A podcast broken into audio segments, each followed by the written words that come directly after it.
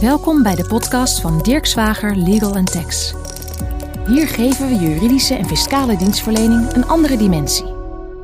Welkom luisteraars en welkom bij een nieuwe podcast van de sectie Intellectuele Eigendomsrecht, IT-recht en privacy van Dirk Zwager. Mijn naam is Lorena van den Berg en vandaag ben ik hier met Christel Jeunink.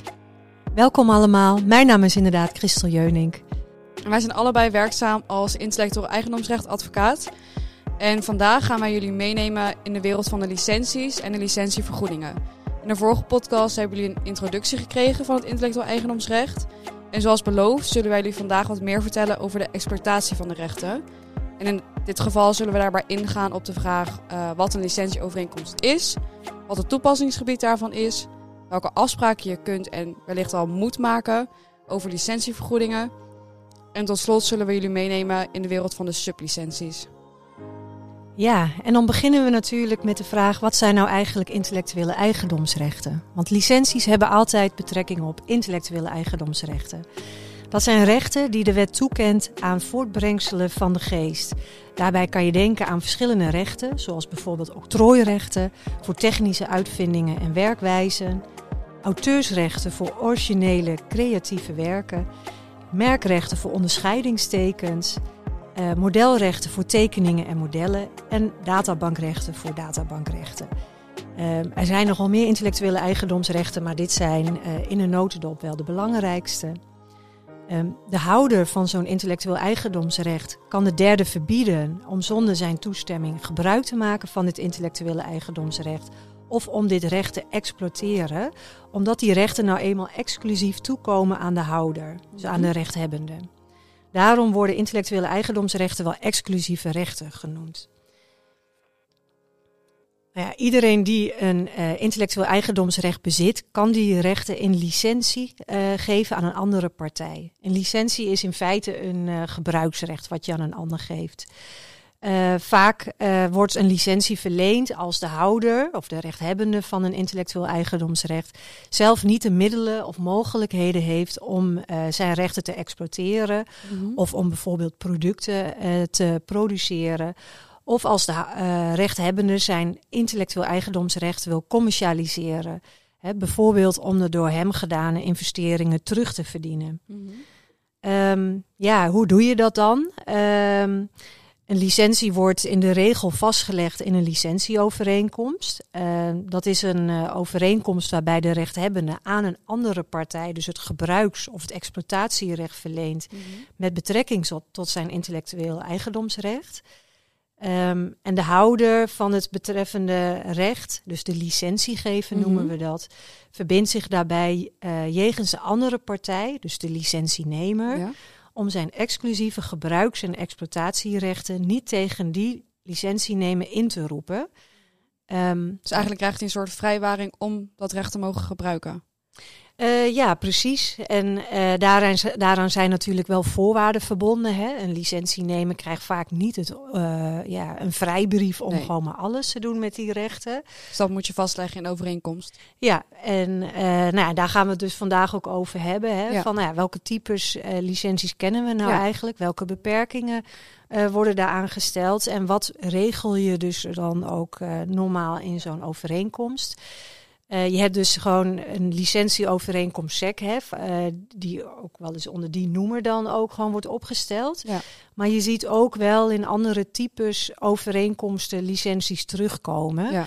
En dat is dan in een korte bepaling of echt een hele overeenkomst waar je dat ziet terugkomen? Ja, dat, zijn dan, dat is dan vaak een van de bepalingen mm -hmm. van de overeenkomsten. En dat zie je bijvoorbeeld uh, in, bijvoorbeeld in joint development agreements, waarbij ja. partijen ook gezamenlijk uh, een product ontwikkelen en daarbij ook gezamenlijk werk uh, verrichten. Ja.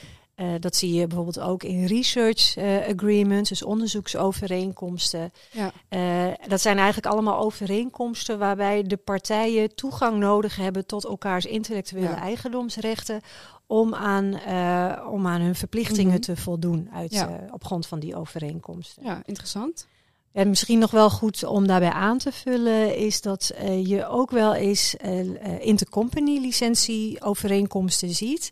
Dat is tussen bedrijven zelf, tussen bedrijven die van elkaar dezelfde eigenaar hebben of zijn dat Ja, dat is dan bedrijven. bijvoorbeeld eh, een bepaalde eh, eh, groep Mhm. van bedrijven hè, met Ja. dezelfde aandeelhouders of dezelfde eigenaars. Mhm. En daarbij zie je vaak dat de intellectuele eigendomsrechten worden neergelegd in een eh IE-BV Oh ja. of in een holding. Ja. En in ieder geval uit de werkmaatschappij worden gehaald Mhm. om ze ook eh, in die zin ook veilig te stellen. Ja. Dat als die werkmaatschappij een conflict krijgt, dat een derde zich daar niet, eh, op, niet kan verhalen of een claim kan leggen op die intellectuele eigendomsrechten. ja. Ehm, als, je, als dat op die manier zo geregeld wordt, Mhm. dan is het ook nodig dat de intercompany, eh, dus tussen die Ja. IE-BV of de holding en de werkmaatschappij, ook een licentieovereenkomst ehm, wordt ehm, aangegaan. Ja. Eh, nou ja, dat heel even in een notendop over wat een licentieovereenkomst nou eigenlijk is. Ehm, je hebt ook verschillende soorten licentieovereenkomsten. Een licentie kan op eh, exclusieve basis worden verleend. Eh, in dat geval verkrijgt de licentienemer als enige, dus met uitzondering ook van de licentiegever, het recht om eh, het intellectueel eigendomsrecht te gebruiken of te exploiteren. Ehm, licenties worden eh, ook op niet-exclusieve basis verleend. Ehm, en dan behoudt de licentiegever zelf ook het recht om Ja. het intellectueel eigendomsrecht te exploiteren. Maar Mhm. kan hij ook nog licenties aan andere partijen geven? Ehm, wat je ook wel eens ziet, en dat wordt ook nog wel eens verward met een exclusieve licentie, is een sole eh, licentie. Mhm. Of een sole license noemen we dat dan. Ehm, in, eh, in het geval van de sole license mag de licentiegever geen licenties aan derden verlenen, maar mag Mhm. hij het intellectueel eigendomsrecht wel zelf gebruiken en exploiteren. Oké. Dus in die zin eh, En wat is dan het verschil tussen een exclusieve licentie en een sole license? Mag, mag de licentiegever bij een sole license wel zelf ook het eh, IE-recht gebruiken? In beginsel niet. En eh, daar is in de praktijk nog wel eens verwarring over. Mhm. Omdat licentiegevers denken van ja, een exclusieve licentie houdt in dat eh, ik een, alleen aan die, die Ja. licentienemer de licentie mag verlenen. Maar ik mag zelf ook nog wel gebruiken. Mhm. Maar als je de terminologie strikt volgt, dan is dat, is dat dus niet het geval. Dus dan Nee. moet je dat wel expliciet opnemen. Ja. Dat je ook als licentiegever nog wel het recht behoudt om eh, het recht zelf ook te Ja. exploiteren. Ja. Ehm, verder kan je ook nog denken aan open licenties. Mhm. Ehm, dat zijn licenties eh, waarbij eh, de licentie eigenlijk wordt verleend aan iedere partij, iedere, Mhm. iedere geïnteresseerde partij die voldoet aan de vooraf opgestelde voorwaarden. Oh ja. Ehm, ja, dus dat eh, zijn eh, grof gezegd een beetje de, de smaken Mhm. wat betreft licentieovereenkomsten. Ehm, als je kijkt naar wat moet er nou in een licentieovereenkomst staan. Eh, Mhm. Dus wat is, ja, welke bepalingen eh, zie je daarin terugkomen? Eh, dan eh, zijn dat dus ja, eh, verschillende. eh, allereerst uiteraard hè, het type licentie. Mhm. Is het exclusief Ja. of niet? Of is het een sole license? Wat ook belangrijk is om te regelen is voor welk territorium eh, de licentie wordt verleend. Hè? Dus is Mhm. het bijvoorbeeld voor alleen Nederland, eh, de Benelux, eh, Ja. Europa of misschien wel wereldwijd. Mhm. Het is echt belangrijk om dat, ehm, eh, Ja. om dat op te nemen. Ja, en over die, die, die rijkwijde be- eh, gesproken. Het is natuurlijk van belang om ja, te zorgen dat je in een, licentie, in een licentie niet ehm, meer verstrekt of meer rechten verstrekt dan wat jij zelf hebt. Ehm, een licentie is beperkt tot de geografische grenzen van het intellectueel eigendomsrecht. Ehm, bijvoorbeeld een Benelux-merkenrecht, dat is alleen maar geldig in de Benelux.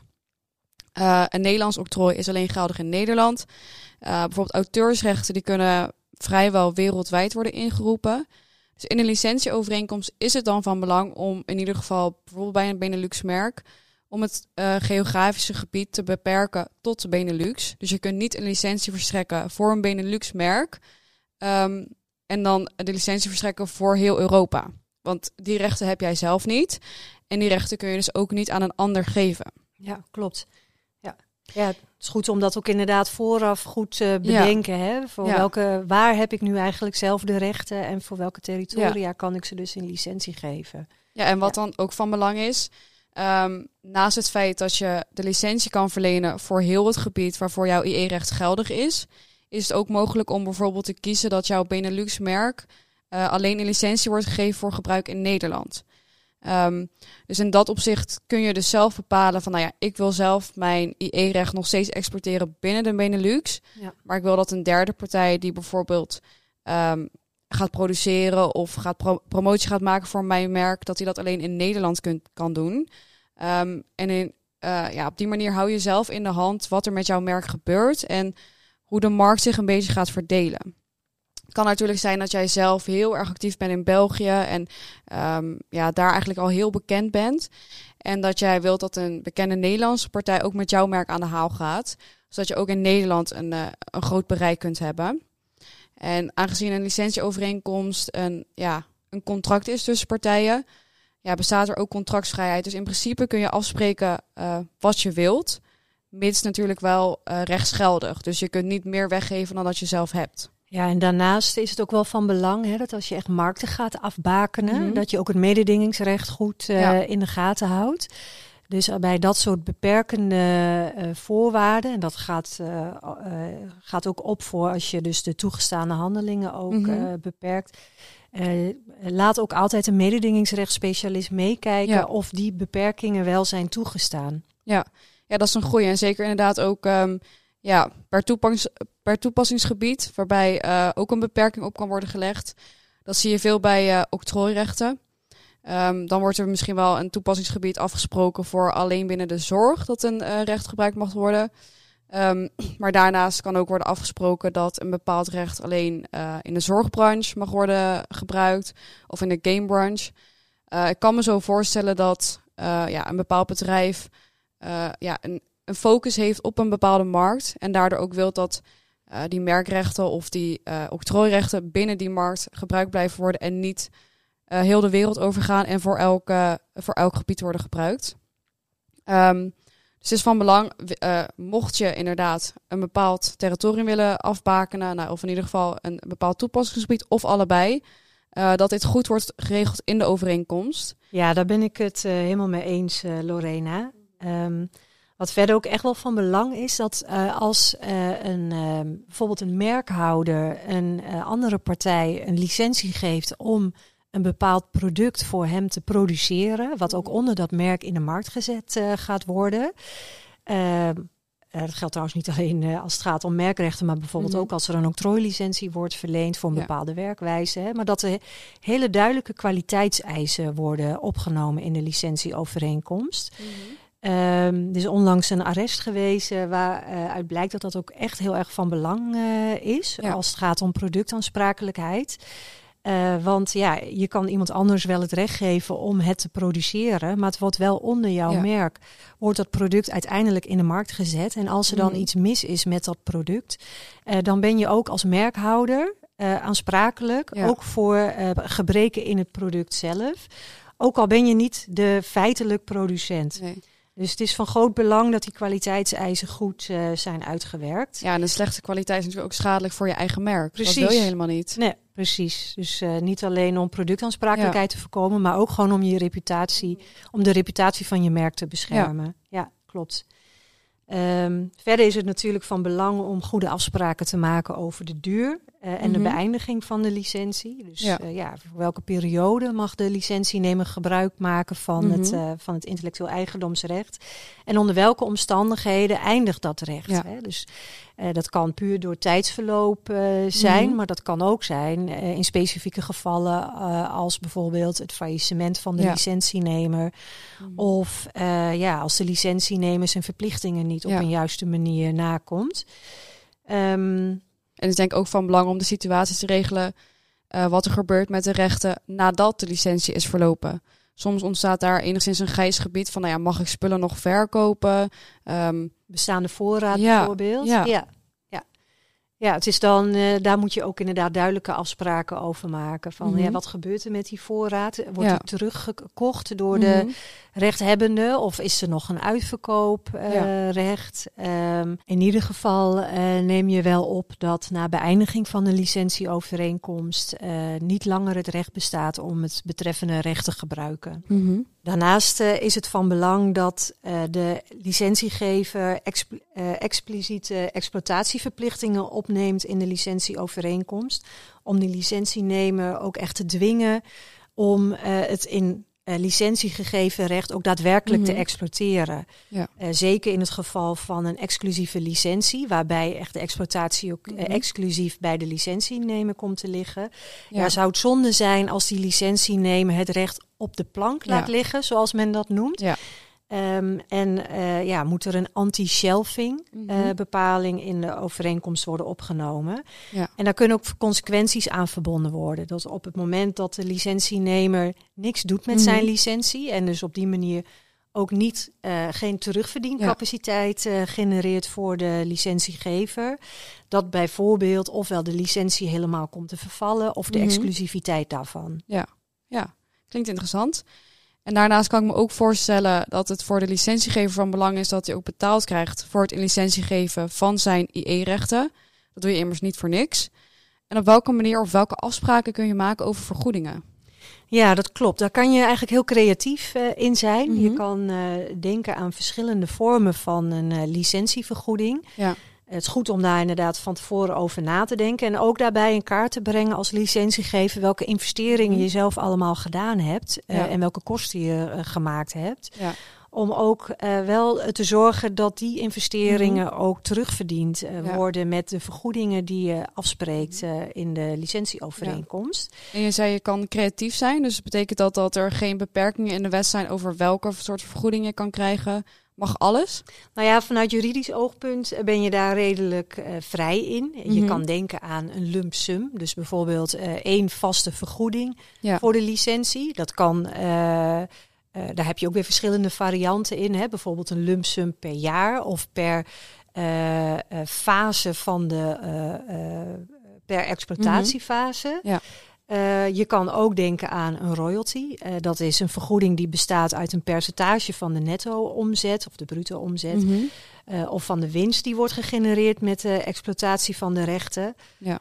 of bijvoorbeeld een percentage of bedrag dat betaald moet worden per verkocht product. Mm -hmm. um, ja, je kan dus denken aan milestone payments. Hè? Dus ja. een vergoeding die. Um, te worden, dient te worden betaald eh, voor vooraf vastgestelde gebeurtenissen, dus mm -hmm. de mhm. milestones. En uiteraard kunnen deze vergoedingen ook met elkaar gecombineerd worden. Hè? Dus dat bijvoorbeeld een uh, lump sum gecombineerd wordt met een royalty. Verder is het van belang dat er fiscaal advies wordt ingewonnen bij het vaststellen van een licentievergoeding.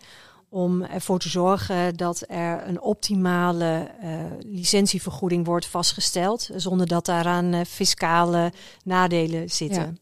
Ja, dan kan me zo voorstellen dat bij het uh, afspreken van een royalty, dat je ook wil dat je kan controleren hoeveel er is verkocht of hoeveel winst er is gemaakt. Want anders dan weet je ook niet wat jouw vergoeding is. En op wat voor manier kan je dat het beste doen? Ja, daarvoor neem je vaak een auditbepaling op in de licentieovereenkomst. Op grond mm -hmm. waarvan je als licentiegever ook het recht hebt om de administratie van de licentienemer te controleren. Vaak wordt een licentievergoeding, dus zeker in het geval van een royalty, vastgesteld aan de hand van nou ja, de genoten omzet of winst van de licentienemer. Of, uh, ja, of is de vergoeding afhankelijk van het aantal verkochte producten. Uh, daar moet de licentienemer opgave van doen.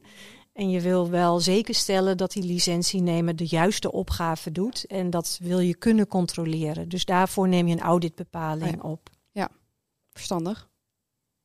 Ja, verder is het nog even van belang om goede betalingstermijnen ook uh, op te nemen mm -hmm. in de licentieovereenkomst. Ja, en ik denk dat het tenslotte van belang is om goed na te denken welke rechten de uh, licentienemer nu zelf heeft ten aanzien van die rechten. Hè? Dus ja. mag die licentienemer bijvoorbeeld ook uh, het recht in sublicentie geven aan andere partijen. Ja, nou ja, dat hangt er eigenlijk vanaf. Um, het is van belang om in de overeenkomst te kijken of jij de toestemming hebt om een sublicentie te verstrekken. Zoals ik al eerder zei, je mag natuurlijk niet meer rechten verstrekken dan wat jij zelf hebt. Ehm, en voor een licentiegever is het wel van belang dat hij kan controleren wie zijn IE-rechten gebruiken. Een licentiegever kan ervoor kiezen dat jij een sublicentie mag verstrekken aan een derde. Uh, vaak zie je dat in een situatie waarbij uh, dus licentienemer een derde nodig heeft om bijvoorbeeld een product te produceren of uh, om een product op de markt te brengen of op een andere wijze. En in dat geval bestaat dan de toestemming voor de sublicentie, als dat in de overeenkomst staat uiteraard. Staat dat niet in de overeenkomst en verleen jij een ander wel ook het recht om het IE-recht te gebruiken op wat voor manier dan ook, dan kan dat dus een, een wanprestatie opleveren. Of een toerekenbare tekortkoming in de nakoming van die overeenkomst. En in dat geval kan jij aansprakelijk zijn jegens de licentiegever. En dat is uiteraard iets wat jij wil voorkomen. En ook de sublicentienemer, die maakt dan een inbreuk op de IE-rechten van de licentiegever. En ook hij kan worden aangesproken. Ja. En de sublicentienemer zal in dat geval vaak terugvallen op degene die hem die sublicentie heeft verstrekt. Dus in dat geval is er eigenlijk vanuit twee kanten kun jij in dat geval worden aangesproken als jij een licentie verstrekt wat je niet had mogen verstrekken. Dus als sublicentie nemen zou je eigenlijk ook een bepaling willen opnemen dat de sublicentiegever uh, hem of haar ook vrijwaart ja. uh, voor eventuele schade. Ja. Mocht, uh, niet, ja, mochten er bevoegdheden verleend zijn die de, die de licentie, sublicentiegever ja. zelf eigenlijk niet heeft. Ja, zeker. Ja, want als sublicentienemer verkeer jij in dat geval in een onzekere positie. Jij wilt wel zekerheid hebben dat jouw licentiegever het recht heeft om dit in sublicentie te geven. En mocht er toch blijken dat die licentiegever dat recht niet heeft gekregen, ja, dan wil jij natuurlijk wel dat je gevrijwaard wordt daarvoor. Uh, want jij wilt voorkomen dat je wordt aangesproken voor een, uh, voor een inbreuk. Uh, dus van belang is voor, voor die sublicentienemer dat er een, een vrijwaring in staat. Um, en zoals ik al zei, ja, als jij meer rechten verleent, dan kan de, sublicentie, de licentiegever aansprakelijk worden gesteld.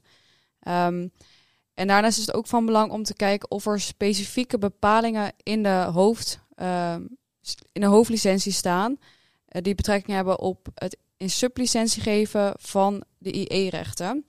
Uh, daar kan bijvoorbeeld in staan dat de licentiegever alleen wil dat een sublicentie wordt gegeven voor een bepaald territorium. Of dat een sublicentie alleen wordt verstrekt voor, voor bijvoorbeeld productie van, van een product. Wat daarnaast voor de licentiegever van belang is, die dus een sublicentie verstrekt, is dat er ook kwaliteitsverplichtingen in staan.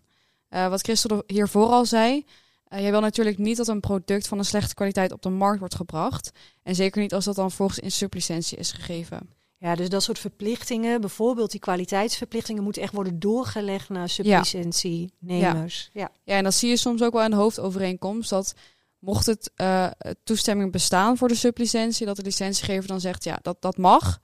Maar ik wil dan wel dat de producten van een bepaalde kwaliteit zijn. Of ik wil dat ook kunnen controleren. En ook in sublicenties is het van belang om een uh, auditrecht vast te leggen. Want vaak bij een sublicentie dan wordt er misschien ook wel een bepaalde vergoeding afgesproken. En in dat geval wil jij dat ook kunnen controleren. En dat moet dan ook in die overeenkomst worden vastgelegd. Ja, dat is ook op zich nog wel interessant, hè? Want in die hoofdlicentie, mm -hmm. uh, als de licentienemer het recht krijgt om sublicenties te verlenen, waarover hij dan ook inkomsten genereert, ja. moet dan die licentienemer ook over die sublicentie-inkomsten afdragen aan de rechthebbende. Dat zijn wel de onderwerpen waar je over na moet ja. denken en zo nodig ook moet uitwerken. Ja, zeker. Ja, en in, in beginsel zijn uh, licentieovereenkomsten vormvrij en uh, uh, mogen in beginsel dus ook mondeling worden afgesloten. In sommige gevallen vereist de wet ook wel een schriftelijke licentie. Dat is bijvoorbeeld het geval als het gaat om exclusieve auteursrechtlicenties. Die mm -hmm. moeten op schrift worden gesteld. Ja. Maar wij ja, raden in alle gevallen wel aan om een schriftelijke licentieovereenkomst uh, uh, uit te werken. Ja, want uh, ook alleen aan de hand van een schriftelijke overeenkomst kan precies worden vastgesteld wat de wederzijdse verplichtingen van de beide partijen zijn. Dat is met name van belang als er tussen die licentiegever en de licentienemer ooit een geschil ontstaat.